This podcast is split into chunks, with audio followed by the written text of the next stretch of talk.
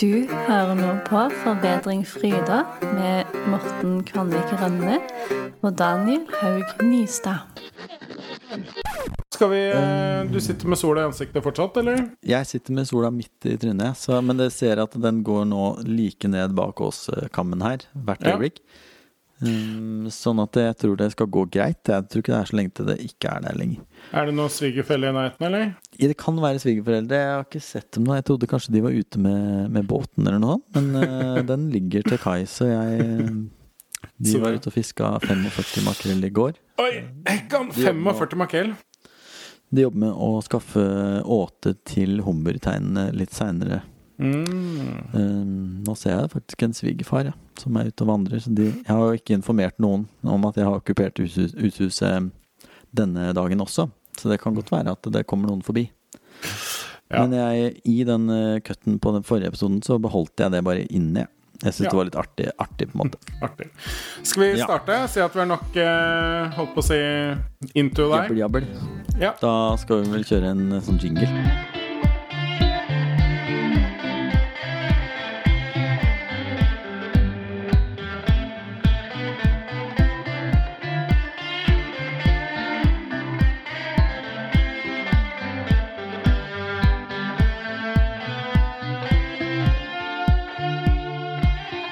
Da er vi klare. Uh, vil du si litt om podden først, Morten? Ja, jeg kan si litt om podden. For de som uh, driver og lytter, da, så er det sånn at dette skal være en podkast om uh, Den heter jo har fått et navn nå. Siden sist? Vi har kalt, ja, Siden sist så har den fått navnet Forbedring fryder. Ja. Eh, etter mye om og men. Må jo gi cred til min kone Sigrid, som var den som kom på den ideen, blant mange. Så det var jo mange ideer ute og gikk, men det var den som eh, i hvert fall fikk eh, flest tomler opp. Så den, det ble Forbedring fryder. Og det skal være en podkast som handler om å bli eh, kan man si litt grann bedre dag for dag, på en måte, som eh, menneske. Nei, ja. eller hva, hva skal vi si? Jo, det er jo egentlig litt det går på. Bli enda litt eh, bedre på å leve livet, eh, sånn eh, steg for steg. En av navnene som vi lekte litt med, som jeg kanskje var litt fan av, var jo Level Up. Eh, nå var jo Ja. det tatt av en annen podkast. Men sånn eh, det var litt det som var tanken, kanskje, da. At liksom hvordan Altså disse litt sånn, i hvert fall før, når man spilte eh, kanskje Super Mario og sånne ting, så levela man liksom opp karakteren sin. Og det er vel det som er vårt lille mål med denne poden i løpet av hverdagen. Å på en måte levele litt opp i hverdagen, da, hvis vi kan si det sånn. Ja. Kanskje et bilde Det Og, Jeg syns det er et veldig bra bilde på det. Det kunne for det vært level up, men det var jo tatt. Det var tatt. Men, eh, ja, det er jo liksom det det går på, da. Uh, ikke bli liksom uh, Jeg, jeg syns ikke vi egentlig snakker om sånne kjempestore ting. At vi liksom Nei, nå skal vi bli med i Tour de France neste sommer, eller noen sånne helt ekstreme ting. Det er bare det å bli litt bedre i hverdagen. Uh, få gjort litt mer av det man ønsker å gjøre, og litt mindre av det man bare ender opp med å gjøre. Eh, Kan ende opp med å gjøre, iallfall. Og det er det vi har lyst til å prate om i denne poden, som er det man kan regne med å få høre noe om, da. mm, og forbedre, forbedre seg selv litt. Så i denne episoden så har vi tatt utgangspunkt i en bok til. Eh, som Mhm. heter The Product... Eh, ah, du må si det. Jeg kan ikke si det. Productivity Project. Ja, der kom det. Yes. Produktivitetsprosjektet av Chris Bailey, en bok som kom ut i 2015, tror jeg, eller noe sånt. rundt der. Ja, 14-15 der. 14-15. En litt, eh, litt yngre kar i siste episode, hvis vi har lagt ut den, da. Eh, Det har vi vel sikkert, for nå har vi nevnt den her. Så snakka vi om, eh, vi om eh, en litt, litt eldre kar, Brian Tracy. Han her er litt yngre. Han er vel yngre enn oss. Eh, Han er er faktisk et par år yngre, tror jeg, til og med, enn meg. ja, ja. Eh, så han, det er liksom utgangspunktet er den boka. Eh, den skal vi ta litt utgangspunkt i tror jeg både denne episoden og neste. Og det vi har tenkt å snakke om konkret denne gangen, eller mer eh, spesifikt, er da dette med målsetting. Da. Det er noe han er veldig opptatt av. Det var vi litt innom sist også. Men han har en del eh, Han bygger jo litt videre på ideer som, som finnes der ute. Jeg syns jo han Eh, han nevner jo også Brian Tracy, som vi hadde en episode om sist. Og, og han er jo en flott, eh, flott fyr med mye godt, han. Men Chris Bailey er kanskje litt med for en ny tid. Han er litt uh, friskere kanskje i stilen og innhold og sånn. Um, og har kanskje tatt det takk til, da, syns jeg. Han uh, Ja, altså tenker det. Jeg tenker også det er mye mer bredt, på en måte. Jeg syns det dekker mye mer av Kall det sånn produktivitetstenkninga enn på en måte Brian Tracy. Der går det Jeg syns han her favner om mange flere ting, da. Jeg syns jo i det hele tatt den boka er en veldig god sånn eh, Gir et veldig godt sånn eh, overblikk over på en måte tematikken. Og dekker alle sider av det å ja, bli mer produktiv. Gjøre mm, mer, mer ting av det man har tenkt. Mm. Absolutt. Og um, han, han, er jo litt kjent for det også at det er jo nettopp en bok som prøver å favne ganske mye. Om man skulle vært litt kritisk, kunne man kanskje sagt at han prøver å favne litt, litt veldig mye. Og at produktivitetsbegrepet i den boka er kanskje litt, eh, litt sånn utvanna mot slutten. Altså det, det, han har vel litt den samme tanken som oss, hvordan rett og slett bli en litt bedre versjon av det selv i løpet av disse dagene som går. Eh, vel så mye som det å bli mer produktiv, da. Selv om han har på en måte Han har lagt det litt på den eh, Ja, litt i den boksen. Eh, ja. Så syns jeg det er liksom litt ja, ja, Det er et hakk med enn det òg. Men eh, mm. absolutt vel å, vel å, anbefale, holdt jeg på å si. Litt ja, orddeling der igjen òg, men den ligger på du, ja. du har hørt den ikke sant, på lydbok, og så har du fått den i fysisk form i dag? Var det sånn? Nei, vet du hva, jeg trodde jeg hadde fått den, men det var da okay. den andre boka jeg hadde bestilt, uh, som hadde kommet. Ah, så jeg, var det? det? var den uh, Helseevolusjonen som du tipsa meg om. Oh, den ja, ja, svenske ja. antiinflamatoriske kosthold. Den nye veien kosthold. til et antiinflamatorisk liv. Ja, Neida, så, men vi skal ikke vi gå dit. Det er nesten så jeg vurderer å klippe ut akkurat det der. For det er produktivitet, og det er antiinflamatorisk. Det høres ut som vi er noe sånn New Age-folk. Eh, ja. Bevissthetspodden. Nei, Bevissthetspodden for ja. deg som vil ha et nærere liv.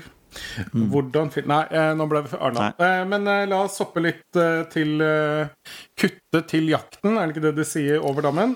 Eh, så Cut to the chase. Cut to the chase, kutte til jakten. Ja. vil du begynne litt med noen av de tingene han sier om målsetning, Morten?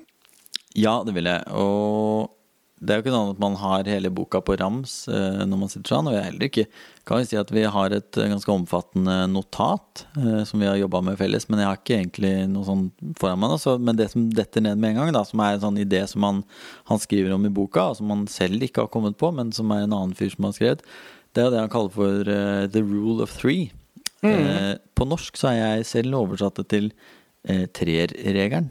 Eh, ikke veldig flott oversetning, men jeg, jeg prøver liksom Det er jo noe vi kan bare nevne med en gang. At det er, det er ikke så veldig enkelt å finne gode norske termer på en del av de tinga her. Så trerregelen, eller the rule of three, det handler om å for hver enkelt dag og for hver enkelt uke velge seg tre ting som du ønsker å ha oppnådd. Ehm, ikke, tanken med det er at ikke du skal ha på en måte et vell og massevis av ting og lange to do-lister, men fokusere uh, veldig på de tre viktigste tingene. Da. Og det med viktigste ting er jo noe som går igjen i boka i det hele tatt. Han er veldig opptatt av uttrykket, som igjen da er på engelsk, men å ikke jobbe hardere, men smartere. Da ble det på mm. norsk likevel. Eh, men eh, poenget er ikke jobbe mer eller hardere og mer sånn intenst, men heller jobbe smartere, jobbe med de riktige tingene. Og det er det den rule of three handler om, da. Som handler om å plukke seg ut for hver dag. Hva er de tre tingene jeg skal ha oppnådd på andre enden av denne dagen i dag? Og for så vidt også da for uka. Mm. Som blir på et litt annet nivå igjen, men likevel tre ting som du ønsker å oppnå. Mm. Som er en veldig sånn Hvis du tenker sånn i målsettingssammenheng, da, så er det ikke sånn om fem år så skal jeg Den her er mer sånn brukende fra uke til uke og dag til dag, opplever jeg da, og det syns jeg er litt ålreit. For det er veldig sånn mm. klisjéfylt med liksom ja, hvor er du om fem år, hvilke mål har du? du det er flott det òg, vi kan sikkert snakke om det òg, men jeg liker veldig godt den greia der med tre. Og at han, han viser jo veldig til at liksom mennesket og liksom opp gjennom historien så er vi bygd opp til å og lett for, kunne forholde oss til dette med tre. Da, Innledning, hoveddel, avslutning han viser til masse sånne ting som mm. hører sammen i tre, eh, trekløver. Um, som kanskje makes sense, um, på en måte. Så jeg tenkte litt på også det med The Rule of Three, eller T-jegeren. Han har jo en helt på slutten av boka, så har han en han er jo en mann som er ganske glad i lister, egentlig, og derfor så tror jeg også han er veldig glad i dette med målsetting og sånt. Eh, og det henger jo sammen, tenker jeg. Altså det å skrive ned målene dine, sånn som vi snakka om sist med Brian Tracy, også var opptatt av at det gjør noe med, med hjernen, rett og slett. At det er mer sannsynlig at du gjennomfører de tingene du skriver ned. Uh, og han har jo også da dette med tre ting du er takknemlig for eller fornøyd med i løpet av dagen. da. Så han har det som et mål hver dag, å skrive ned tre ting han er, er takknemlig for og fornøyd med. Um, og igjen så Nå husker jeg ikke hva den amerikanske professoren het, som har forsket på det, men det er da forskning som viser at det at du faktisk uh, skriver ned ting du er takknemlig for, gjør at du blir flinkere til å se positive ting i hverdagen. Og det er så, så Sånn som han legger det frem, altså en rent fysiologisk hjernen, rett og slett. At det er en endring som skjer. Og en litt interessant sidespor der er jo det at eh, mennesket er jo lagd for å tenke negativt. Så hvis man føler at man har mye negative tanker, så er det rett og slett helt normalt. Cirka 77% av det vi tenker på, er negativt, sier han, da. At forskning har vist. Eh, og det er veldig mye. Så to til fjerdedeler av alle tankene våre er negative tanker. Eh, og da er det jo veldig fornuftig å på en måte prøve å på en måte tenke på det positive, da. Og det er en av de tingene som jeg syns er litt fint med, med, Chris Bailey, er jo at han Han er litt mer romslig, kanskje litt med Ja, litt med på en måte ikke så ikke så steng tante-poseaktig som kanskje Sånn som han forrige, eller han Brian Tracy? Ja, fordi kan er, han er litt mer sånn Han er litt slack? Ja, så han legger liksom til grunn at det er tross alt mennesker. At liksom vi har, noen, vi har noen iboende utfordringer, da, og det er de vi på en måte må jobbe litt med. Og det er litt som jeg har sagt før når vi har snakket sammen, at det er, ikke, det er, imponerende å høre noen som måte har gått Kilimanjaro, som kanskje er en litt sånn type superperson som har kommet veldig langt og, og har på en måte de genene på stell, ja, men for de som lever i en sånn type med hverdag, med mm. våre utfordringer og svakheter og alt mulig, så, så syns jeg Chris Bailey er veldig mye bedre utgangspunkt, kanskje, ja. da, enn litt sånne superpersoner. Ja, det er mye mer gjenkjennbart, på en måte. Ja, det er mye mer sånn at du tenker at han er en helt utgangspunkt en helt eh, vanlig fyr, da. Ja. Som har gjort noe litt uvanlig med at han på en måte hadde den muligheten. Han, han skrev visstnok boka rett etter college, tror jeg. At han hadde lagt av 100 000 dollar? Nei, det kan ikke ha vært. 100, Nei, ja. Tilsvarende 100 000 ja. kroner eller et eller annet sånt noe. Så han ville ta et år hvor han levde på veldig lite, men testa ut massevis av sånne type tiltak da, for å bli mer produktiv. Eh, mm. Som blant annet da, dette med rule of uh, three. Men han, ja, han er mye mer sånn jordnær, mye mer sånn Ja. Det er ikke liksom bare å gønne på hele tiden. Han er jo også veldig opptatt av dette med å ta pauser men bevisst, da. Ikke sant? At mm. du har satt av tid til pauser og sånn. Men da, uh, rule of three er iallfall mitt sånn derre som, Siden det er liksom det vi åpner med, da, så er det liksom noe jeg har hekta meg med her, da. Som jeg uh, egentlig ønsker å kunne prøve å implementere etter hvert. Uh, en sånn type Og det er jo da sånn som vi snakka om i forrige episode òg. For oss som har vanlige jobber da, og et eller annet kanskje prosjekt på siden, så gjelder det jo egentlig å lage disse listene sånn om ikke bare ett sted, men kanskje to, og kanskje til og med på tre områder. da. Fordi man har en jobb man går til også, hver morgen. Um, og kan, ja, kanskje lage et opplegg for seg for den dagen man er på jobb, og så har man et opplegg for det man skal gjøre hjemme, og så har man det opplegget for det prosjektet man har, eller om det er å lage denne podkasten f.eks., som det kan være, eller hva det skulle, annet det skulle vært. da. Mm. Han har jo faktisk um det er det jeg også syns han tar det litt videre. Dette med sånne to do-lister, så er det ikke bare at han vil ha en to do-list, altså det man skal gjøre. Han er jo også opptatt av det som du sier, at du bør ha en på jobben, det er nå én ting, men du bør også kanskje ha en hjemme. Eh, mm. Eller du bør ha en hjemme, det er ikke noe kanskje der. Eh, men det er også, han har jo også dette konseptet som jeg syns var litt artig, da, som er en sånn waiting for-list, altså det du venter på. Fordi at det er jo mm. ofte noe man gjør både For min del, kanskje spesielt på jobb innimellom. da, At man liksom eh, Man venter på noe som noen andre skal gjøre. Man venter på et tidspunkt hvor man skal gjennomføre et prosjekt. Altså man går på en måte og ser fram mot et eller annet som man enda ikke mm. kan begynne på, fordi at man, eh, man, er ikke på det stadiet, eller man er avhengig av at andre på en måte skal gjøre noe annet før man selv kan begynne. da. Eller så kan det være sånn type at man går og venter på ja, Sånn som den boka nå, da. Eh, og det som er hans poeng med den waiting for list, er jo Det er to typer lister han, som henger litt sammen. Det er på en måte den, og så er det eh, en sånn mer sånn kort sånn to do-liste hvor du bare skal skrive ned ting som dukker opp i hodet. Og sånn som det kunne godt være sånn som ja, Litt sånn typisk at man går i og kommer på noe som man burde ha gjort. Å, shit, nå må jeg huske å eh, vanne blomstene, liksom. Eller som jeg sa sist, da, skifte dekk på bilen, ikke sant. Bestille den der, det skapet fra Ikea, som det er helt helt, for nå sitter jeg på soverommet mitt som ennå ikke har fått noe Ikea-skap. Som jeg nå skal ha vært og bestilt nå i syv uker, tror jeg. Eh, så ikke Ja. veldig produktivt i det hele tatt. Nei, men det er sånn ikke imponerende. Altså, her ikke kommer du og skal starte en sånn produktivitetspodkast, og så har du ikke bestilt IKEA-skap engang. Det- Men det er jo det som jeg kanskje Ja. vi også kan nevne da, som et poeng, uten at jeg skal avbryte for mye, så er jo det poenget med denne podkasten at det er noe, vi er ikke noe eksperter på noe som helst plan. Vi er vel eh, amatører som ønsker å lære seg å bli Å få bestilt den eh, Nå kommer svigermor, ja. Ja da. Eh, Få bestilt den her eh, Få bestilt eh, disse her IKEA-møblene og alt dette her.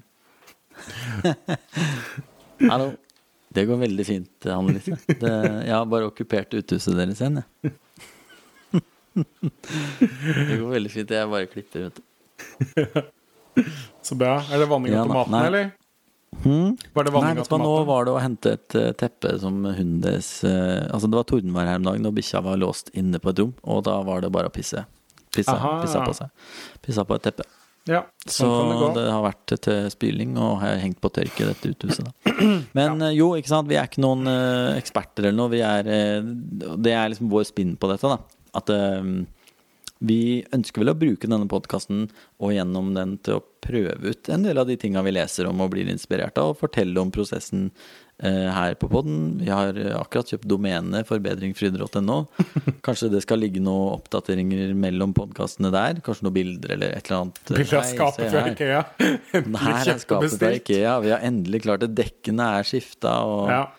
Ikke sant?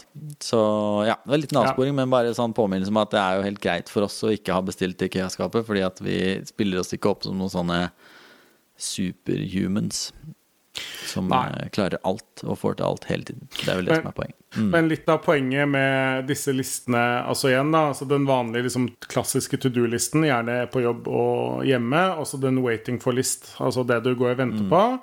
Vente, for list, vente på lista. Og Ja. denne mer sånn ad hoc 'dette kommer jeg på her og nå'. Eh, litt av poenget til Chris Bailey er at dette er sånn som For det første så er det Igjen, det å skrive det ned gjør at du antageligvis får gjort det fortere, i hvert fall. Altså det blir mer håndfast. Og så er det det at da kan du på en måte slippe det litt, da. Det er hans i hvert fall tanke om at når du da har fått det ned, du har det på dette papiret eller appen eller hva det nå måtte være, så kan du på en måte skrive deg litt. Da er du ferdig med det. Eller du er ikke ferdig det- med det, du må gjøre det, men da, da, slipper, da, kan, da slipper du å bekymre deg for det, da. Og han, han sier også at han en stund hadde en sånn liste med ting han bare ikke bekymra seg for. Ja. Altså som bekymrer seg for liste. Så igjen, en mann som er veldig glad i lister.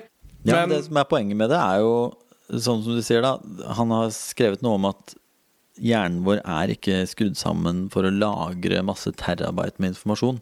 Den er, lagret, den er skrudd sammen for å på en måte håndtere korttidsminne og respondere på omverdenen. på en måte Ikke for å lagre masse bekymringer. Sånn at Det er derfor hele poenget med å skrive ned ting er jo måte avlaste liksom lagringskapasiteten på hjernen. Da. At ikke du har for mange ting som sviver, for da funker hjernen dårligere. Det er vel det som er skrevet om.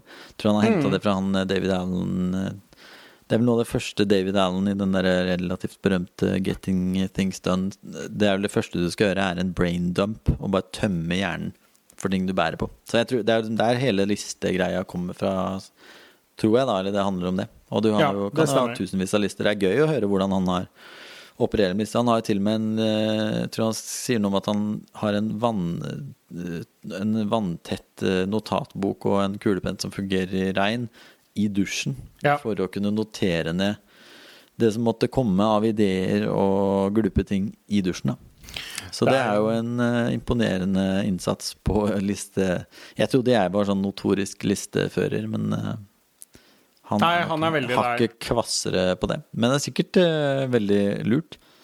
Eh, men den tejegeren, Morten, kan ikke du si litt om For du har prøvd deg litt der òg, har du ikke det? Jo da, jeg har prøvd det. Um, og det som jeg oppdaga, som, som er veldig lett å glemme, da, selv eh, for en som eh, leser mye av dette her og driver for tiden og spiller en podkast om det, så er det det å minne, på, minne seg på at det, de tingene du skriver på den trelista, det er de essensielle, viktige, kanskje til og med litt krevende tingene. Eh, Det er veldig fristende å hive på ting på den trelista som egentlig bare er sånn eh, eh, hva skal jeg si, pjatt og tullballoppgaver som ikke er det viktige. Eh, Sånn som når jeg skulle sette opp min treliste i forrige uke, så var det sånn Uh, Ja, uh, jeg tror det var en av dagene i hvert fall at jeg Ja, nei, denne gangen skal jeg sette opp det å bestille linser. Uh, og gå og kjøpe linsevann. Eh, Tre linsevannflasker. eh, For da har man liksom for en stund. Um, og så slo det meg etterpå at liksom, nei, nei, nei, nei. Det er, det er jo ikke det Jeg opplever at det er ikke de tingene, sånne derre tullete fjaseoppgaver, som skal på den. Hvis du skal liksom gjøre det han sier, da, med liksom å jobbe smartere og litt sånn mindre, men bedre mentalitet, så er det liksom ikke sånne fjaseoppgaver som skal stå der. Det handler jo om å fokusere på hva er det skikkelig viktige den, den dagen, eller sånn på jobb eller privat, eller hva det skulle være. Så jeg, jeg liksom måtte revidere, da, og det var liksom, jeg syns det er et viktig poeng. da At man er bevisst at eh, de tinga man skriver ned på sånne lister, eh, er det du har valgt deg ut til å være noe av det viktigste. Ikke sånn eh, tull og tøys. Ja, for det er jo nesten, Hvis jeg kan avbryte litt, så er det jo nesten Ja. Han har jo et slags indre hierarki, føler jeg, med at denne, disse T-måla er på en måte Det er det viktigste. Det er på en måte Det er der du skal sette det litt større tinga, de litt viktige tinga, som kanskje betyr mer. Og så har du disse mer sånn vanlige to do-listene, som er ja, litt mer dette vanlige, sånn som kanskje kjøpe linsevann eller et eller annet sånt. Ja, ja. Og så har du den, den siste på en måte lista, da, som er denne ting du bare kommer på, som det er bare greit å få plassert et sted. Eh, og litt det samme føler jeg med den vente på-lista. At det er sånn Ja. OK, nå er det plassert Det mange- der. Uh, og det kan være litt sånn ja, enda mindre ting som du kanskje bare Sånne innfall, og derfor glemmer du det igjen, ikke sant. ja. Så det er på en måte å prøve å lage ikke- et litt sånn hierarki, da. Det er det, og det er jo ikke sikkert at det, altså, folk må jo lage seg det systemet som funker, og det kan godt være i enkelte tilfeller at det er det viktigste den dagen å få skaffa de linsene hvis du er på siste boks, liksom. Og, ikke sant? Har du ikke kjøpt julegaver før lille julaften, så er det nok greit å putte julegaver på, på den trelista. At liksom bli ferdig med det. Så det er jo ikke en, en fasit heller, da, men jeg, jeg er liksom opptatt av det det er så fort gjort å kose seg med sånn travel eh, busy work, da, på en måte. At det bare er Sånn som vi nevnte jo det også i forrige episode. Det blir en del referanser til den, men, men det der med å At det er veldig behagelig, og det er veldig gøy å jobbe mye og ha masse sånn småtull og tøys å holde på med, men som egentlig ikke er det produktive. Han snakker jo i Productivity Project også om eh, at han testa ut en periode å jobbe 90-timersuker og 20-timersuker. Og han fant ut at han jobba jo bare bitte lite grann Fikk jo bare gjort bitte lite grann mer i de 90-timersukene enn i 20-timersukene.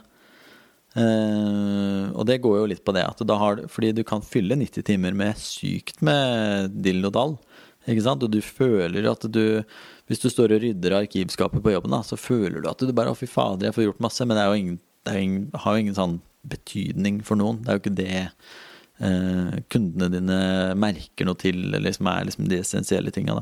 Og det, jo, det viser han jo også til et en, en lov, eh, lov som liksom heter Parkinsons law, som handler om at eh, Eller som fungerer på mange områder, men det at det tilsvarende effekten av at hvis du får høyere lønn, så bruker du mer penger. Har du mer tid til en oppgave, så bruker du mer tid. Har du kortere tid, så bruker du kortere tid. Vi skal over på neste konsept som du har valgt å plukke ut, som er vedlikeholdsdagen. Ja, og det er jo litt det er jo en litt forlengelse av det du sa, har vært inne på med, med dette med hva som er viktig, viktig, da. Og det å egentlig prøve å minimere noen oppgaver litt. Um, og det er jo en sånn ting som man fort på en måte kan bli litt sånn for mange, da. I hvert fall for meg. Litt sånn slitsomt kanskje i hverdagen, er jo disse små tinga hjemme. Det er på en måte den lyspæra som burde vært bytta. Det er alt av vasking av klær og vegger og tak. Holdt jeg på å si andre gangene som kan vaske taket. Det er ikke noe jeg gjør Ja. veldig ofte. Men eh, alle disse småtingene er gitt ut av kjøleskapet, liksom, og ja, sånne ting. Kanskje lage middager for resten av uka, folk som gjør det og sånt. Og det er sånn som han fant ut at det er jo noe som mange gjør litt hver dag. Eh, men at han istedenfor har valgt å ha en sånn vedlikeholdsdag. At han Det er noe av det han skriver ned på denne litt sånn minst viktige to do-listen sin. da og da er det, det er liksom den type ting. Og da gjøres det hver søndag. Eh, er vel han har som en sånn vedlikeholdsdag. Og isteden ja, og istedenfor da liksom gjøre litt hver dag, så er tanken å på en måte plassere det på en måte på ett tidspunkt i uka. da Mest mulig av det. Det er kanskje ikke sånn at Det ser hun jo selv, og det er ikke det er ikke realistisk hvis du er småbarnsfamilie, for det nytter liksom ikke. Men da er det kanskje Nei, det det jeg ikke. Men da er det kanskje mer sånn ha to av dem, da. At du prøver å ikke på en måte Ikke bli på en måte slukt av alle sånne småting i hverdagen, men prøve også å minimere det litt til tidspunkt hvor det passer bedre å ta det, da. Um, Jeg kan forstå tanken. Jeg er litt usikker. Jeg har tror jeg har prøvd meg litt på sånn begge varianter. Både litt sånn gjør litt hver dag, jeg, ja. Fordi at det er lett å tenke at men et, gjør jeg noe 20 minutter hver dag, bare, ikke sant? så er mye av dette gjort. Eh, Men jeg kan se litt poenget hans òg. Så den er jeg litt usikker, men jeg syns det er en interessant tanke. Ja, det er det, og det Altså Egentlig så kan man jo oversette vedlikeholdsdagkonseptet, som jeg, jeg opplever at det egentlig bare handler om å sope sammen oppgaver til én stor heller enn masse små. Ja. Eh, og det kan du egentlig tenke om mange ting. Jeg har jo notert meg her i forhold til sånn handling i butikk. Det er jo noe jeg iallfall opererer med å gjøre én gang i uka. Ja, ikke sant? Og det handler jo om egentlig akkurat det samme på en måte, syns jeg. da At det er en del ting du kan gjøre istedenfor å spre det ut, så kan du gjøre det hele tiden. Du kan handle mat en gang i uka. Du kan eh, i utgangspunktet Du kan jo lage deg lunsj for hele uka på søndag, f.eks. Mm. ja. Det er, jeg har også notert ned ganske mange ting du kan eh, liksom, Det er egentlig ganske mange ting du kan kjøpe bare én gang av og til. Det, det Har du noen eksempler? Jeg har noen eksempler. Ja. En av de tingene jeg stadig vekk liksom er tom for og irriterer meg over, det er jo hundeposer. Ja. Det er sånn, og så tenker jeg hver gang Det koster sånn 11,90 tror jeg for en rulle med hundeposer. Og egentlig hver gang så tenker jeg Hvorfor kjøper jeg bare ikke liksom 100 ruller? ja. Fordi da, da er det liksom et år til neste gang du skal det. Um, så det er egentlig noe jeg har lyst til å prøve å implementere. Altså, når, uh, og mm, hvilke andre ting har jeg notert her? Skal vi se. Jeg har uh, I dette notatet vårt vet du, så har jeg skrevet ned ganske mange ting, følte jeg. Men uh, Ja. Jo, her er det. Hundemat, hundeposer. Eh, det samme med linsevann, f.eks. Det, det er jo noe man vet man skal ha hele tiden. Eh, batterier. Hvorfor bare ikke kjøpe ekstreme mengder batterier? 5000 kroner i batterier, liksom. Så har du jo batterier Jeg tror ikke det, jeg vet ikke om de går ut på dato. Toalettpapir, f.eks. Dasspapir går jo ikke ut på dato. Det kan du seriøst kjøpe. Det er klart du må ha plass til det, men eh, kaffe med mer, ikke sant? Hele konseptet Nå blander jeg litt her, men du skjønner, det er jo sammenlignbart at poenget med vedlikeholdsdagen er å gjøre de kjedelige tingene én gang bare, istedenfor å spre det ut. Eh, samtidig som han viser jo også til en regel til da, fra han David Allen som går på alt som du vet kan ta under to minutter. Bare ta det med en gang. Ikke skriv det på noen lister. Ingenting. Bare få det gjort med en gang. Um, Ja. Så du kan jo si sånn tar det, Hvis det tar egentlig bare jeg vet ikke, to minutter å øh, hive over gulvet med en støvsuger, liksom, så kanskje du bare skal gjøre det. Men jeg vet ikke. Nei, um, og det som jeg tenker um, Er det noe av liksom, det vi har snakka om hittil, da, i forhold til sånn vedlikeholdsdag og sånne ting, er det ting du har prøvd ut eller har lyst til å prøve ut, eller sånn? Jeg føler jeg har prøvd noe av det opp igjennom. Eh, jeg har hatt veldig sånn tro på lister før og prøvd meg mye på det, men jeg har jeg tror litt av problemet mitt faktisk er at jeg har ikke funnet helt den fysiske formen på det. Jeg har hatt liksom en sånn og man har, jeg, liksom, jeg har prøvd litt den biten. Han har jo en bok, altså en, en notatbok. Det har du prøvd, vet jeg, før, og syns at det var bedre. Det er det jeg sverger til. ja, ikke sant? Skrive det fysisk ned. Så jeg er litt sånn eh, Jeg har veldig lyst til å prøve meg på dette med, dette med disse ja, enda mer sånn te om dagen-type tanken. Hva er de tre viktigste tingene? Hva er hvilke tre ting er jeg takknemlig for? Og ha en to do-liste hjemme på en mer sånn skrevet ned. Altså jeg, der har jeg gått litt frem og tilbake. Og så syns jeg den ideen om en sånn vedlikeholdsdag er ganske artig. Så jeg har lyst til å prøve det. Um, Men så er det også Sånn som du forklarer det nå, så, så høres det ut som at du, du er ikke egentlig Altså, du, har ikke en, du er ikke en to do-listefyr sånn i bånn, liksom? Eller Nei, jeg er det, jeg, på jobb så er jeg liksom det. Men Ja. som, eh, igjen, altså sånn når jeg kommer hjem, så er det mer en sånn Altså, jeg har det innimellom, men det er litt sånn Da blir det fort litt sånn dyd av nødvendighet. Ikke nødvendigvis så mye fordi at det er en sånn ut Altså litt sånn positiv greie, da. Det blir litt mer sånn Nå må jeg bare ha en liste her, for nå er det så mye på en gang. Okay. Um, så, så jeg tror jeg kunne hatt ganske mye av det. For jeg Men det jeg snakka med en kollega av meg på jobb i dag Hun er veldig glad i lister, da. Ehm, Så vi snakka mye om det. Hun får, hun får sånn glede av å krysse av ting på lista. Oh, ja. Uh, jeg gjør ikke det, av en eller annen grunn. Jeg er ikke en av de. Åh, det er jo det beste i verden. Det er jo altså nydelig. Å kunne, Jeg vet ikke noen ganger så skriver jeg ned ting jeg har gjort, jeg. Bare for å det. krysse det av. Ja. Ja, Ikke er sant. Det er litt ille. Og det er, er det et uh, Dette er jo et kjent uh, problem i mitt uh, Ikke problem, men en, et tema som jeg snakker om med kona mi. For kona mi er tidvis litt oppgitt av at jeg Hun syns det er litt pussig at jeg liksom f.eks. oppdager at det, er nest, det er nesten sånn at jeg kan oppdage at å, melkekartongen er tom. Jeg skriver det på lista at jeg skal brette den og skylle den og kaste den. Altså, bare sånn, du, hvis, du kunne spart veldig mye tid på å ikke skrive lister. Men det er nettopp fordi at det er, altså, så, det er en fryd å stryke ting av lista. Da. Men da, da er man jo innom en liksom sånn Da er jo egentlig listeskrivinga en slags prokrastinering, da. Ja. Egentlig Ja. på mange områder. Ikke sant? At det liksom Første punkt på to do-lista er liksom skrive punkter på to do-lista, liksom. Ja, det, det, blir litt der, sånn. da. Det kan, bli, det kan bli litt mye. Ja. Um, men jeg opplever meg sjøl som Jeg er en listefyr. Jeg, jeg skriver lister både privat Jeg har liksom Stort sett altså er det Jeg har egentlig tre-fire områder jeg skriver liste for. Det er jo jobb. Den eh, lista den skriver jeg ofte mandag morgen. Um, og oppdateres kontinuerlig. Eh, hjemme har jeg lister eh, i forhold til alle andre sånne forpliktelser. Jeg sitter jo i et borettslagsstyre. Um, har en liste på det. Jeg har liksom lister på de forskjellige tinga jeg skal Mm. må Jeg er veldig glad i det, både fordi det er gøy å stryke ut, men også fordi at det er, jeg opplever å måtte ha det.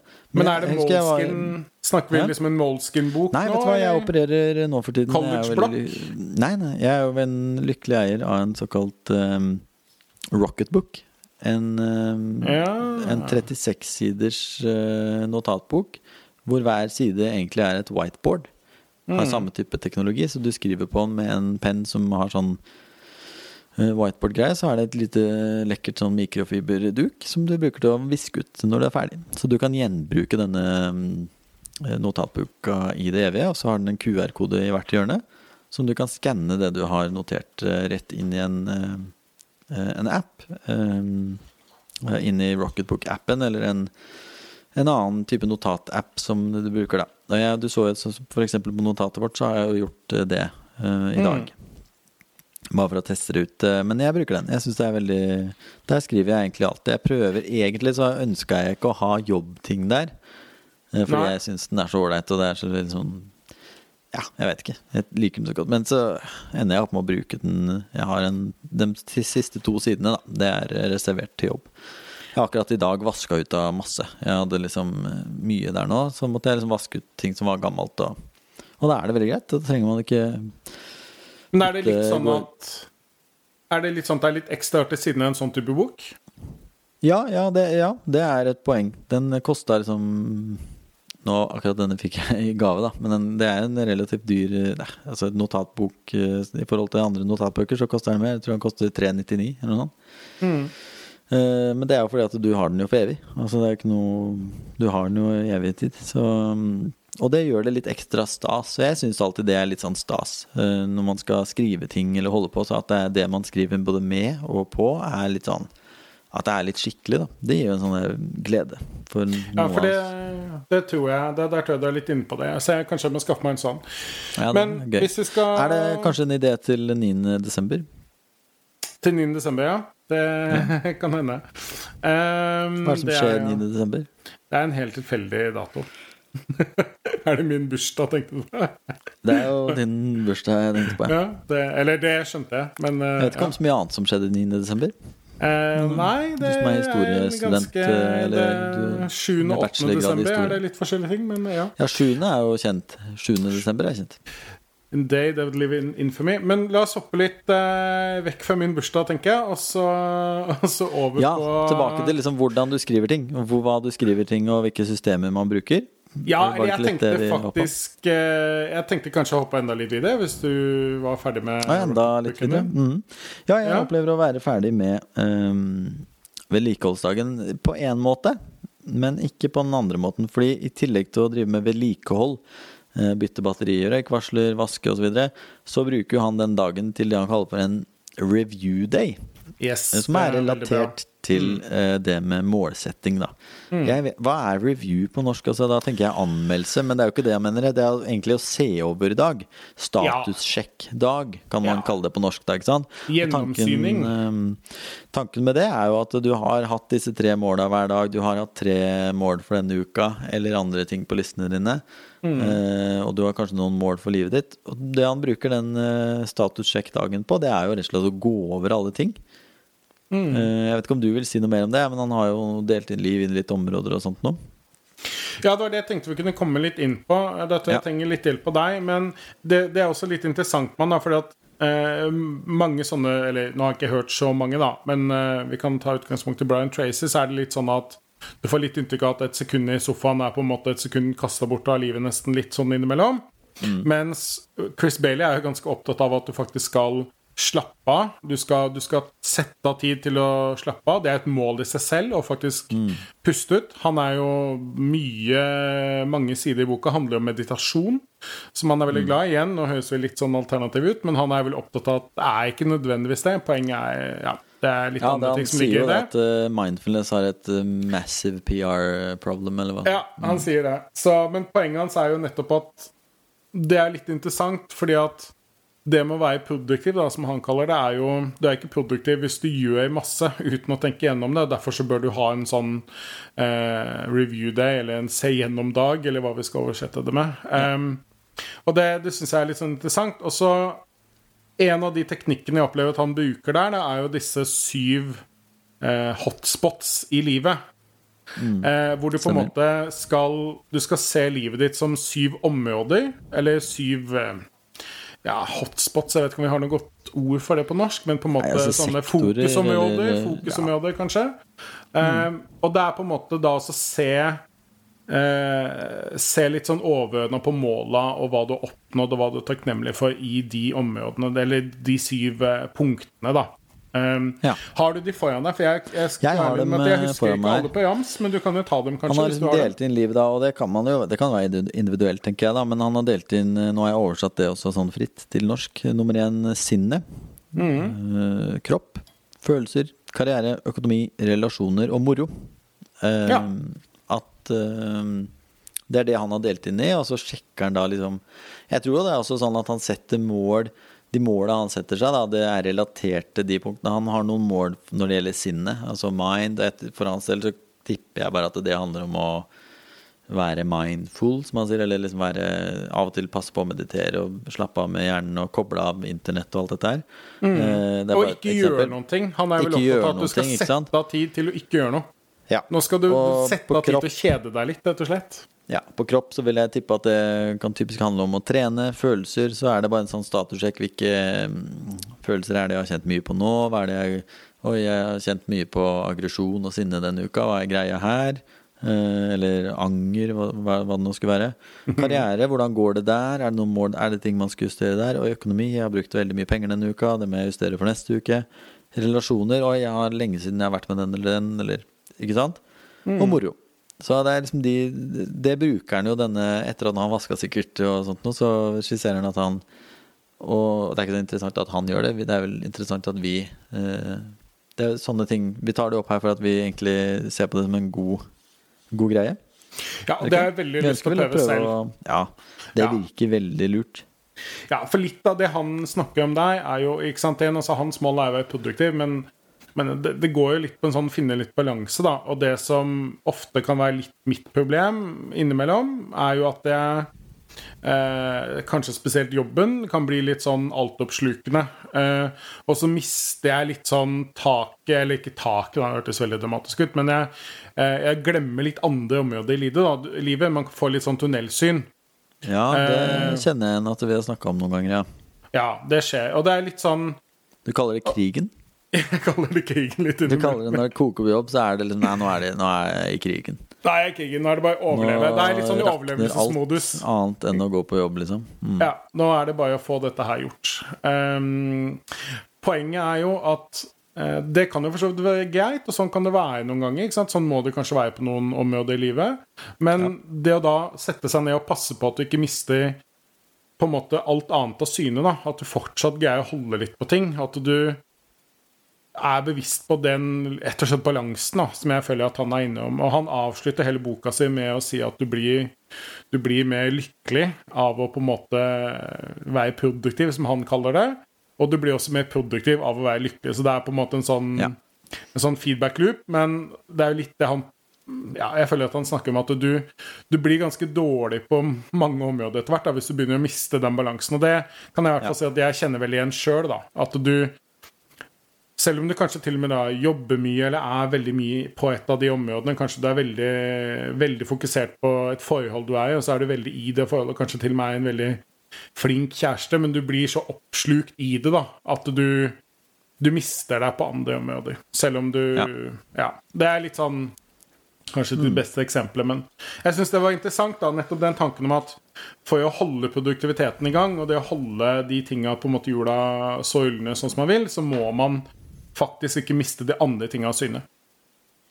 Nei, og det Jeg, også syns det er en, et sånn genialt konsept, egentlig, og det å Altså, for meg da, så oppsummerer det også det som er hele greia hans med produktivitet, og som ikke bare hans, men som er sånn jeg ønsker at man skal tenke rundt Eller at jeg tenker rundt produktivitet. At det er ikke det derre Det er ikke relatert til sånn derre eh, businessverden med liksom eh, mest mulig produsert på kortest mulig tid. Det er ikke Han er jo veldig opptatt av det med at du skal leve Vi har lurt litt på hvordan vi skal oversette det òg, men uh, deliberate på engelsk, men leve liksom med intensjon hele tiden. Eller etter hensikt.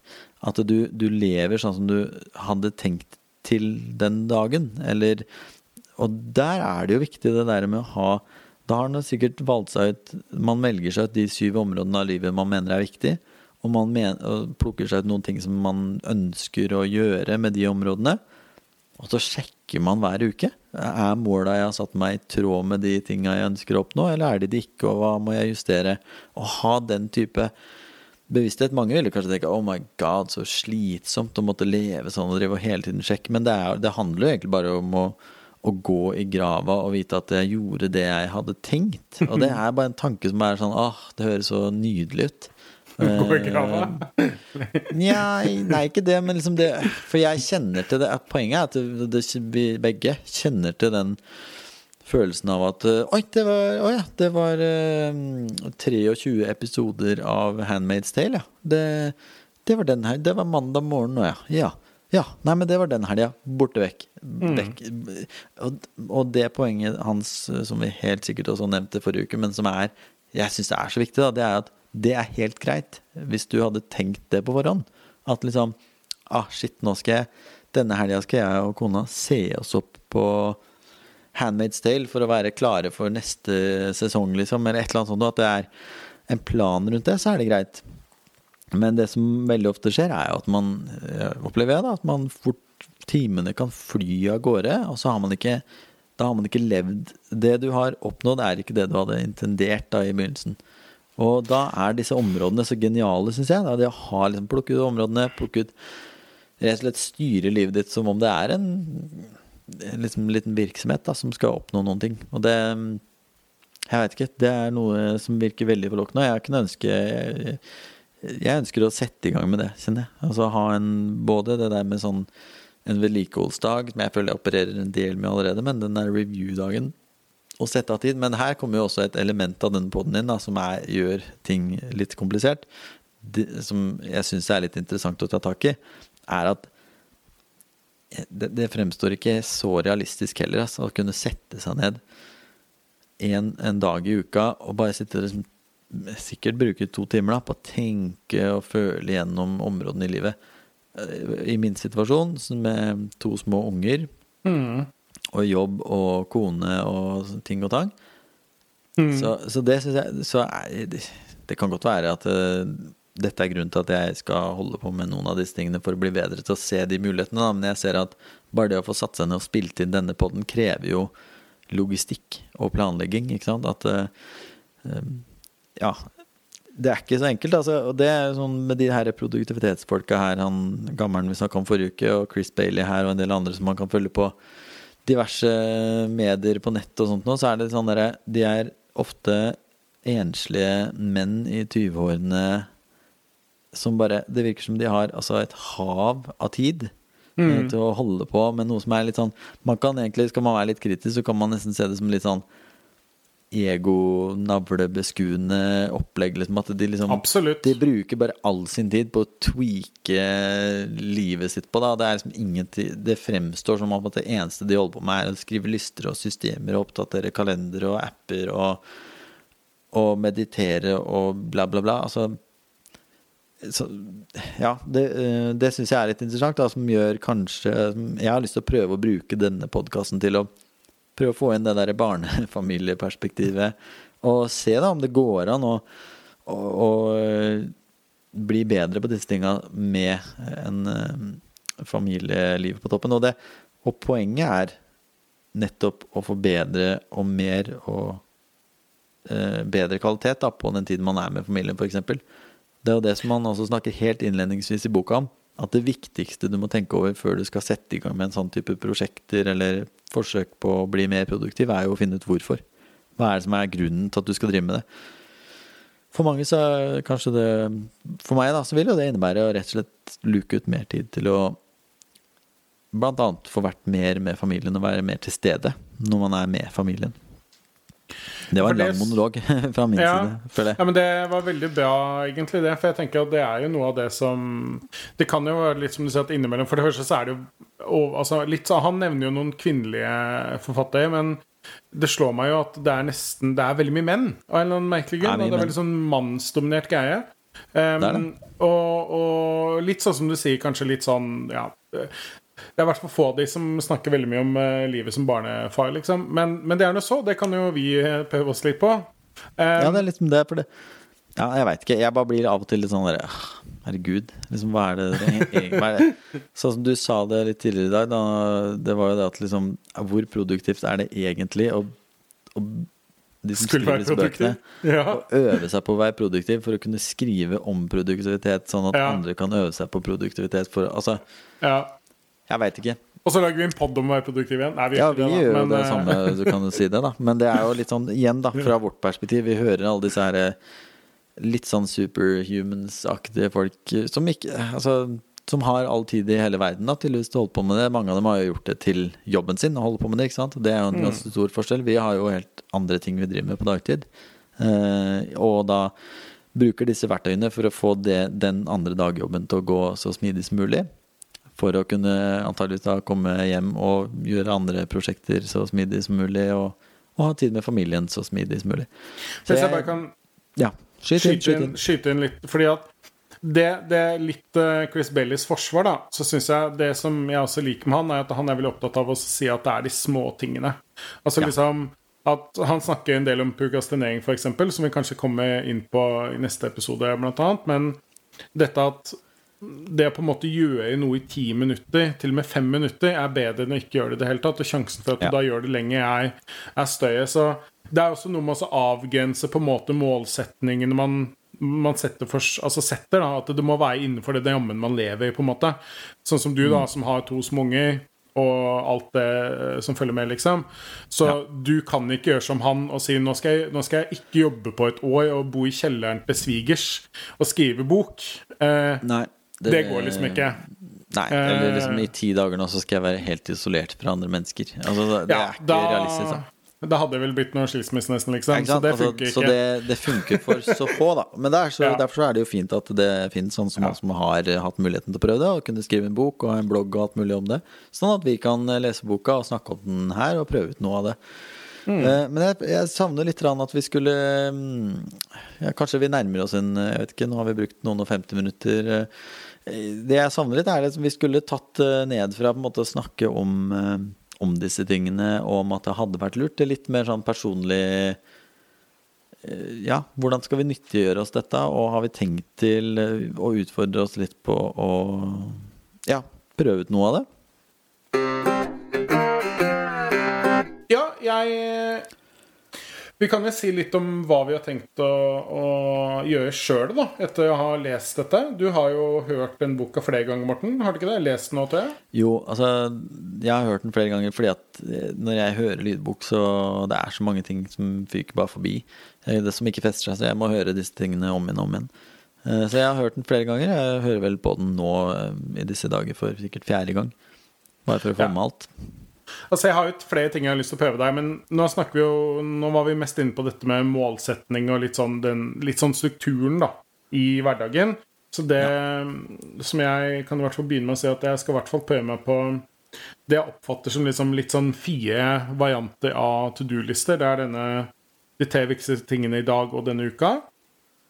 Eh, og så er det da de litt mer sånn klassiske to do-listene på jobb og hjemme. Eh, og så har jeg lyst til å prøve denne sånn takknemlighetslista, Ja. på en måte. Det er spennende. Eh, ja. Det er i hvert fall de har jeg veldig lyst til å prøve på. Ja. Eh, og jeg kan jo også si det, jeg kommer også til å eh, Jeg bare fortsetter litt, jeg. Men eh, denne vedlike... Eller ikke vedlikeholdsdagen, men denne eh, ja, review-dayen, da. Eh, fant vi ut hva vi kan kalle det? Gjennomsyningsdagen. Ja, og da mm, I forkant av det så bør du egentlig ha satt opp disse syv områdene, eller andre områder, eller flere, eller færre, eller Ja, det tenker Eh, jeg Har du tenkt å gjøre det òg, eller? Ja, har du tenkt noe på hvilke områder? Tenker du å bare implementere de syv områdene der, eller vil du bruke noen andre? Nei, jeg vet ikke Det har jeg ikke tenkt på. Nei, jeg tror kanskje Jeg syns han hadde ganske bra, sånn som Ja, du sa det. Jeg vet kanskje åndelig vet jeg kanskje ikke om passa meg helt, men eh, Jeg tror ikke han har kan, har det. Nei, men du kalte det var det ikke Nei, sin, sinnelig? Nei, sinne. Sinne. Mind, Ja, liksom. mind, ja. Jeg tror kanskje jeg vil finne et litt annet ord på det, men, eh, men eh, ja. Mm. Jeg tror jeg kommer til å ta de syv, sånn mer eller mindre. For det er jo basically Det er jo de store områdene i livet, da. Og hvis du greier å ja. gå gjennom de, så tror jeg du har covra det meste, egentlig. Dekket det meste. Ja, det vil jeg tro. Og så setter du opp de, og så setter du opp noen mål, da, eller for hvert område, og så er det ut fra de måla at du lager deg Vil du også bruke dem Du vil ikke nødvendigvis bruke treerlista, liksom, men generelt to do-listene skal være i tråd med disse måla, da. Ja, altså, nei, jeg tenkte den en sånn T-liste og disse to do-listene på toppen, eller under, da. Så egentlig så er det litt sånn listebonanza. Og det skal du prøve. Hva er tidsramma her, da? Nei, altså I hvert fall til vi lager neste episode, men Ja. jeg kan jo Nå har vi jo tenkt å batche Ta det der med å samle opp ting med å rett og slett spille neste episode om ganske kort tid, da. Men jeg ja, tenker det, bl- det Jeg også skal jo prøve noen ting. I hvert fall en, eh, en Ja. eh, Jeg tenker ut neste måned. Ok, ut neste I første måned. omgang. Ut Ja. september, ja. Ok, Det er Ut såpass september. langt, da. Sånn at eh, for lytterne sin del så er det ganske lenge tiden til vi får høre åssen det går med disse tinga. Nei, jeg tenker at det, det, dette snakker vi om neste gang òg. Ja, så da må vi notere oss Vi må notere oss hvilke ting du har sagt at du skal teste ut. Eh, og så skal jeg, skal jeg også Kanskje prøve skulle tatt på et noe lydopptak, av det? Kanskje det hadde vært bedre? Ja, det kunne jo vært eh, Det kan jo være en idé, det. At vi, Ja. hvis vi tester ut ting at uh, En ting er at vi legger ut et bilde på den nettsiden vår, eller hva det skulle være, men at vi også kan Det er bare for deg å hooke opp uh, mikrofonen og telefonen eller hva det skulle være, og ta et lydopptak. At liksom nå Jeg tror ikke du, jeg du tok vitsen, men det er greit. Nei, jeg tok Er det bare en vits? Bare gjenta, gjenta, gjenta. Nei, nei, jeg gidder ikke. Hva Eh, var det du sa? jeg sa kanskje vi skulle tatt Vi skulle skrive det ned, så sa jeg kanskje vi skulle tatt et lydopptak av det. Det er det vi gjør. Å ja, ok. Den ja, var litt uh, for dyp Den var for litt meg. Altså. for dyp for deg.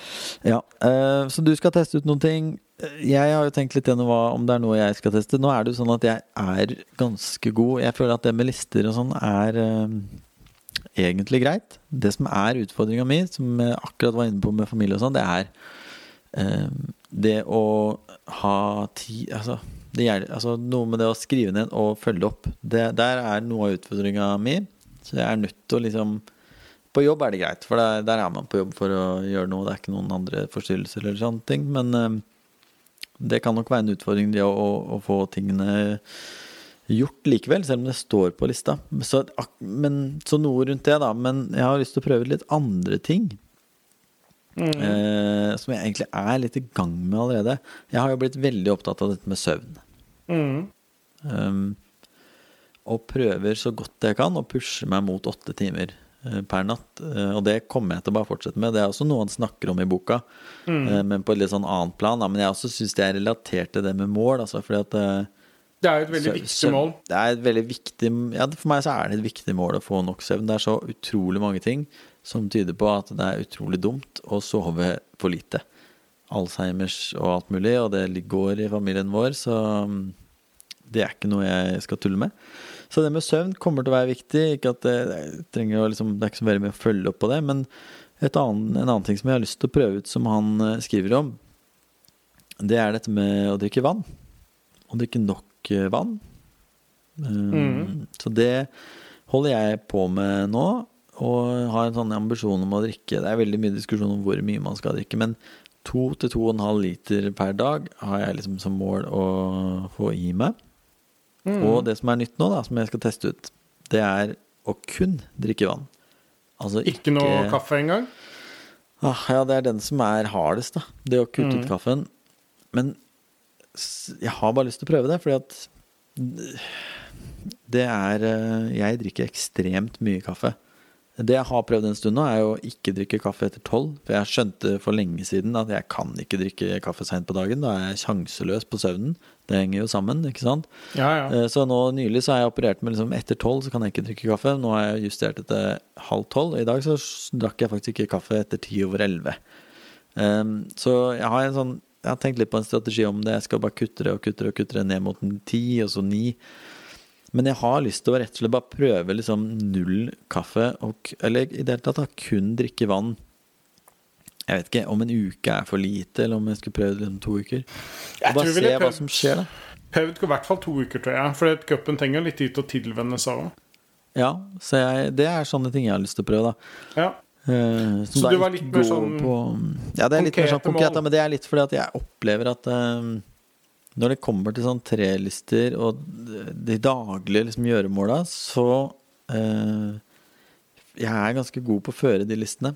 Og som jeg sier, så kan ting bli liggende der en stund, men eh, det viktigste er for meg å få ting ut av hjernen og ned på liste, så står det iallfall et sted. Føler at jeg er ganske god på det. Eller tenker du at det er litt lite offensivt? At jeg burde Nei, nei, jeg liksom tenker det er helt fint, ja. det, det, det Altså, det er jo litt som vi snakka om før. Altså, du er det vel også litt sånn i en dyd og nødvendighet, småbarnets far. Eh, Jeg tenker liksom at det, det er liksom litt luksusen sånn som meg har, da, som ikke har familie sånn på den måten. At vi kan eh, ja, vi kan dille litt mer rundt og bruke tida vår på en litt annen måte. Så, så for meg så handler det mer om å få litt den strukturen. og Kanskje også prøve å minske litt sånn stress med sånne småting, eller ikke stress, eller kanskje litt sånn dårlig, halvdårlig samvittighet, da. Så man kan få At man blir litt sånn skuffa over seg selv. ikke sant? Åh, nå er det enda ikke jeg bestilte det IKEA-skapet, liksom. Nå må jeg bare få gjort det, og så får jeg ikke gjort det likevel en grunn, og så glemmer man det litt. og så så det er, det er litt forskjellige ting. Jeg tenker også at det er jo Det er vel ikke første gang at uh, småbarnsfar sier at uh, målet med nå er få mer søvn, så jeg tenker at det passer veldig Ja. fint. Så ikke Nei, det er, kjenne seg igjen i det. Ja, og det, jeg må si at jeg er veldig fornøyd med at jeg har blitt flinkere. Altså. Jeg har brukt lenge nå et sånn måleapparat som måler eh, sånn Fitbit-type ting. Eh, og det, jeg ser at det går bedre, men jeg ligger fremdeles Man skal jo egentlig Altså, de sier at du skal ha mellom altså et, I hvert fall tror du skal over syv. Det er veldig mange meninger om det, altså, men jeg vet at jeg lenge, over lang tid nå, har ligget ned mot seks. Altså seks timer og to er kanskje gjennomsnittet da, på en uke, og det er jo Da mangler du egentlig to timer. Og det Altså, er han- sånn eh, Ja. Chris Bailey har jo ganske det. Han sier jo at hvis du føler at du må ta igjen søvnen i helga, så sover du for lite. Ja. Og det, og det er klart, når man har små barn, så er man mye trøtt. Og det, jeg har blitt veldig sånn Om ikke redd for det, så har jeg blitt utrolig sånn Ja, jeg er bare ja, bekymra for det med søvn, altså. Det er, mm. Og det er så enkelt, egentlig, ikke sant. Så er jeg ganske god på å legge meg altså Han sier også at clouet er å legge seg tidlig nok. Eh, og det er jeg ganske flink på. Det at vi sitter nå og spiller inn Jeg vet ikke hvor mye klokka er. Uh, mm. nå er den Halv ti? eh, faktisk halv ti. Dette er leggetid uh, for min del. Mm, det er for meg òg. Så det, jeg føler jeg er god på det, men så er det jo klart utfordringa med små barn er at man våkner på natta. Altså Hvis jeg legger meg nå, så er det, det er noen lyder og det er noe opplegg og behov for noe, kanskje en flaske eller en tutt, om to timer igjen. Og så er det kanskje den andre som våkner med noe nattskrekk og roper nei, nei, eh, og vekker den igjen. Altså det er avbrudd i søvnen, da. Det er jo noe man ikke kommer utenom. Eh, Men likevel, jeg er relativt fornøyd nå for tiden. Og det er bare noen er jo- måneder, så er jo den yngste sånn at det antageligvis sover rundt. Og da Det er en helt annen uh, verden. Husker Ellers kan du bare forrige. sove ute. Du kan bare fortsette. Du kan bare sove ute i uthuset, da. Det, men det er kanskje ikke helt innafor. Nei, det blir nok ikke så godt mottatt, um, tror jeg. Så det er noe med det å prøve å fordele de der nattlige tingene også, da. I morgen så skal jeg har jo pappapermisjon, men i morgen er den ene dagen i uka jeg skal på jobb. Sånn eh, fysisk. Um, og derfor så skal jeg ta en buss som går halv seks. Så det er klart at nå Nå sitter jeg her og Det snakker er om hvor tidlig, ass. flink jeg Halv seks, ja, altså. Det er altfor tidlig. Ja, men det er for å unngå korona. Ja, Ja. ja. det er det òg, ikke sant. Dra utenom rushen og sånt ikke sant. Så jeg, det er, her sitter jeg og snakker om hvor flink jeg er til å sove, og nå sier jeg at nå er klokka halv ti, jeg skal være på en buss halv seks. Hvor mange timer er det? Åtte? Det er åtte blank nå. Ja. Så, Så- da tenker er- jeg vi kan snakke litt om hva vi skal gjøre i neste episode, kanskje isteden. Så kan du gå og Ja, legge deg men, men liksom, eller må vi ha en oppsummering, fordi Jeg vet ikke om vi skal klippe ut dette her, men det er litt Jeg vet ikke. Strukturmessig er vi Vi Tror ikke vi er helt i sånn- mål. Nei, vi er ikke det. Det er noe med det Eh, å, og Når det gjelder målsetting, da, så tror jeg kanskje vi må sette noen mål for hver Et eller annet Kanskje vi må ha litt mer sånn kjøreplan, synopsisaktig. Jobbe inn noe spalteaktig, noe fast hver uke, kanskje. Eller altså, jeg veit ikke. Eh, Jeg tror det. Men det kan vi ta kan vi ta Off the record. Off the record. Men Ja. eh, dette Ja. klipper vi ikke vekk uansett. ja, ja. Uh, Men, jeg kan prøve meg på- Start, du. Oppsummering av denne episoden. Hva er det vi Mhm. har snakka om, eh, Daniel? Vi, skulle, vi har snakka om målsetting. Vi har snakka mye om målsetting, eller målsetting på sånn kort eh, tidshorisont. Da. Det er ikke sånn der hvor jeg er om fem år, men vi har snakka om eh, listebruk, listeskriving, listeoppfølging, og jeg likte egentlig litt det derre vi fant på litt tidligere, da, det ordet målmanagement. Fant vi på det? Det var veldig godt sagt. Det hadde jeg glemt. Vi snakka om det i en telefonsamtale om denne podden tidligere i dag. At liksom det å sette mål og ha sånn målsettingsgreier er én ting. Men når du legger på dette med review-opplegg og det å følge de opp og vurdere dem fra uke til uke, så driver du egentlig med sånn målmanagement. Men management er jo ikke mye norsk, da. Hva norsk Hva kunne vært det norske eh, mål... Altså management, det er jo ledelse. Det er jo fader i meg målstyring. Det er målstyring. Og da ble det plutselig kjipt igjen. Da ble det plutselig Veldig kjipt. Eh, Velkommen til eh, Direktoratet for eh, økonomi og målstyring. Mm. Mål, eh, mål, målhåndtering? Nei, jeg vet ikke. Det var enda Faen, det var. Målmanagement, da. Ja, la oss kalle det det. Målmanagement enn så lenge. Eh, og så er det i hvert fall for min del tenker jeg litt den der strukturen. Altså enda mer struktur på hverdagen. Altså det er jo så klart Hverdagen har jo mye struktur innebygd i seg, men å få liksom mer ned på litt sånn detaljnivå, da. Ja. Uh, og så skulle du Du hadde en del ganske konkrete mål, og så hadde jeg litt denne strukturbiten. Uh, så vi har Føler jeg på en måte Da har vi litt sånn utgangspunkt for å, å Noe litt å stekke oss etter, kan vi si det? Ja, Vi har det. Vi har satt ned noen ting vi skal teste ut. Ehm, og kan si litt om det neste gang. Så Absolutt. seg, mm, Ja, nei, jeg syns det har vært uh, gøy. Jeg syns jo det er moro, jeg, med sånne ting. Jeg tror det er det en, ja, Vi kan sikkert ha en annen episode hvor man snakker om sånn fem til ti år fram i tid, og sånn, men jeg tror det ligger litt sånn implisitt i de der sjuerområdene. Der, der ligger det kanskje noen lengre mål, da. Men så er det, kanskje da fra dag til dag og uke til uke vi har vært Det er jo det vi i det hele tatt med på den kanskje er mest opptatt av, da. Det er det der dag til dag. Minst mulig tid som går uh, til spille uten å ha noe plan. Han, eh, Chris Bailey er jo veldig innom det også med faktisk da Ditt fremtidige jeg er jo et eget kapittel i Ja. boka hans som vi kunne snakke om eh, neste gang. Kanskje vi skal snakke litt om det neste gang. Og så tenkte vi jo litt på dette med tidsstyring. Eh, det er jo veldig viktig når du skal må, nå målene dine. Det hjelper ikke bare å sette dem, du må greie å styre tida di. Ja. Og så er teaseren kanskje du. at eh, Hallo, vi har glemt Ja. noe kjempeviktig. Du kan ikke ja. snakke om denne boka. Vi kan egentlig ikke snakke om boka uten å forklare ingrediensene i produktivitet. Som jo er Ja, men det skal vi ikke si nå. Det kan vi si neste gang. Så kan folk lure på hva det er. Nei, det, det føler jeg er Jo, det er en teaser. Det var en perfekt teaser til neste gang. Var det det? Var, er det ikke bare helt merkelig at ikke For jeg opplever at det er jo Ja, nei, ok, greit. For det, nå, nå var du inne på tidsstyring, og så har vi snakka om én ting i dag. Men eh, folk må jo bare gå inn og google, da. Men jeg syns jo hans eh, definisjon og in ingrediensene i produktivitet og den inndelinga er genial. Men neste gang tidsstyring, og da er det naturlig å snakke om hva som er tidstyver, hva som stjeler tid. Eh, og det er jo mye. Så jeg tror hva, det er uh, og er tidsstyring egentlig så viktig? Eh, Nja, ikke sånn, ja, ikke sånn som vi kjenner det, kanskje, nei. Så det, det blir spennende. Og det betyr at eh, det egentlig blir i hvert fall to episoder som handler om den samme boka, eller om ja, samme Ja. tematikken. Det er det. Eh, Så Så får vi se hvor eh, det bærer videre etter det igjen. Men vi har tenkt å fortsette. Vi har tenkt å gunne på videre. Jeg har hørt et sted at du, hvis du passerer syv episoder som podkast, så er sannsynligheten for at du blir en langtlevende podkast mye, mye større.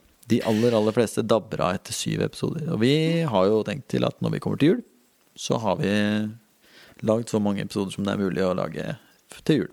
Og det er jo et mål for oss. Det er en av TV-måla våre for denne, dette halvåret, er at vi i hvert fall skal ha syv episoder til jul, tenker jeg. Ja. Det er planen. Skal vi si uh, lik og del? Det er ikke noe akkurat nå like og dele, men det er det Nei. sikkert hvis noen hører kan dette noen gang. Så lik og del. Per i dag, eh, jeg vet ikke, 27. august 2020, så kan dere gå inn på www.forbedringfryder.no og se at den er parkert, kjøpt og betalt av noen, men det er ingenting der ennå. Eh, Det kommer sikkert sånn Forbidden 404 page not found, men det jobber vi med, gjør vi ikke det? Har du sett noe på det? Eh, ingenting. Nei, jeg har sett på det. Jeg er i gang. Så bra. Så folk kan gå dit, og ellers så kan de Vi har ikke noen sosiale medier eller noen ting. Så ennå. Noen av oss eh, har jo kutta det helt ut. Men eh, Det er også noe vi kan så snakke om neste gang, tenker jeg. Ja, vi kan snakke om det neste sosiale gang. medier. Nei, men du, skal vi Eh, si det sånn, og så eh, Skal vi si det sånn og bare eh, stoppe opptaket og så ta en liten sånn uh, trash talk av poden etterpå? Ja, vi må ha en ordentlig avslutning, da. En ordentlig, ok, Hva er en ordentlig avslutning? Da takker vi for denne gang, og så håper vi at eh, du hører på oss neste gang også.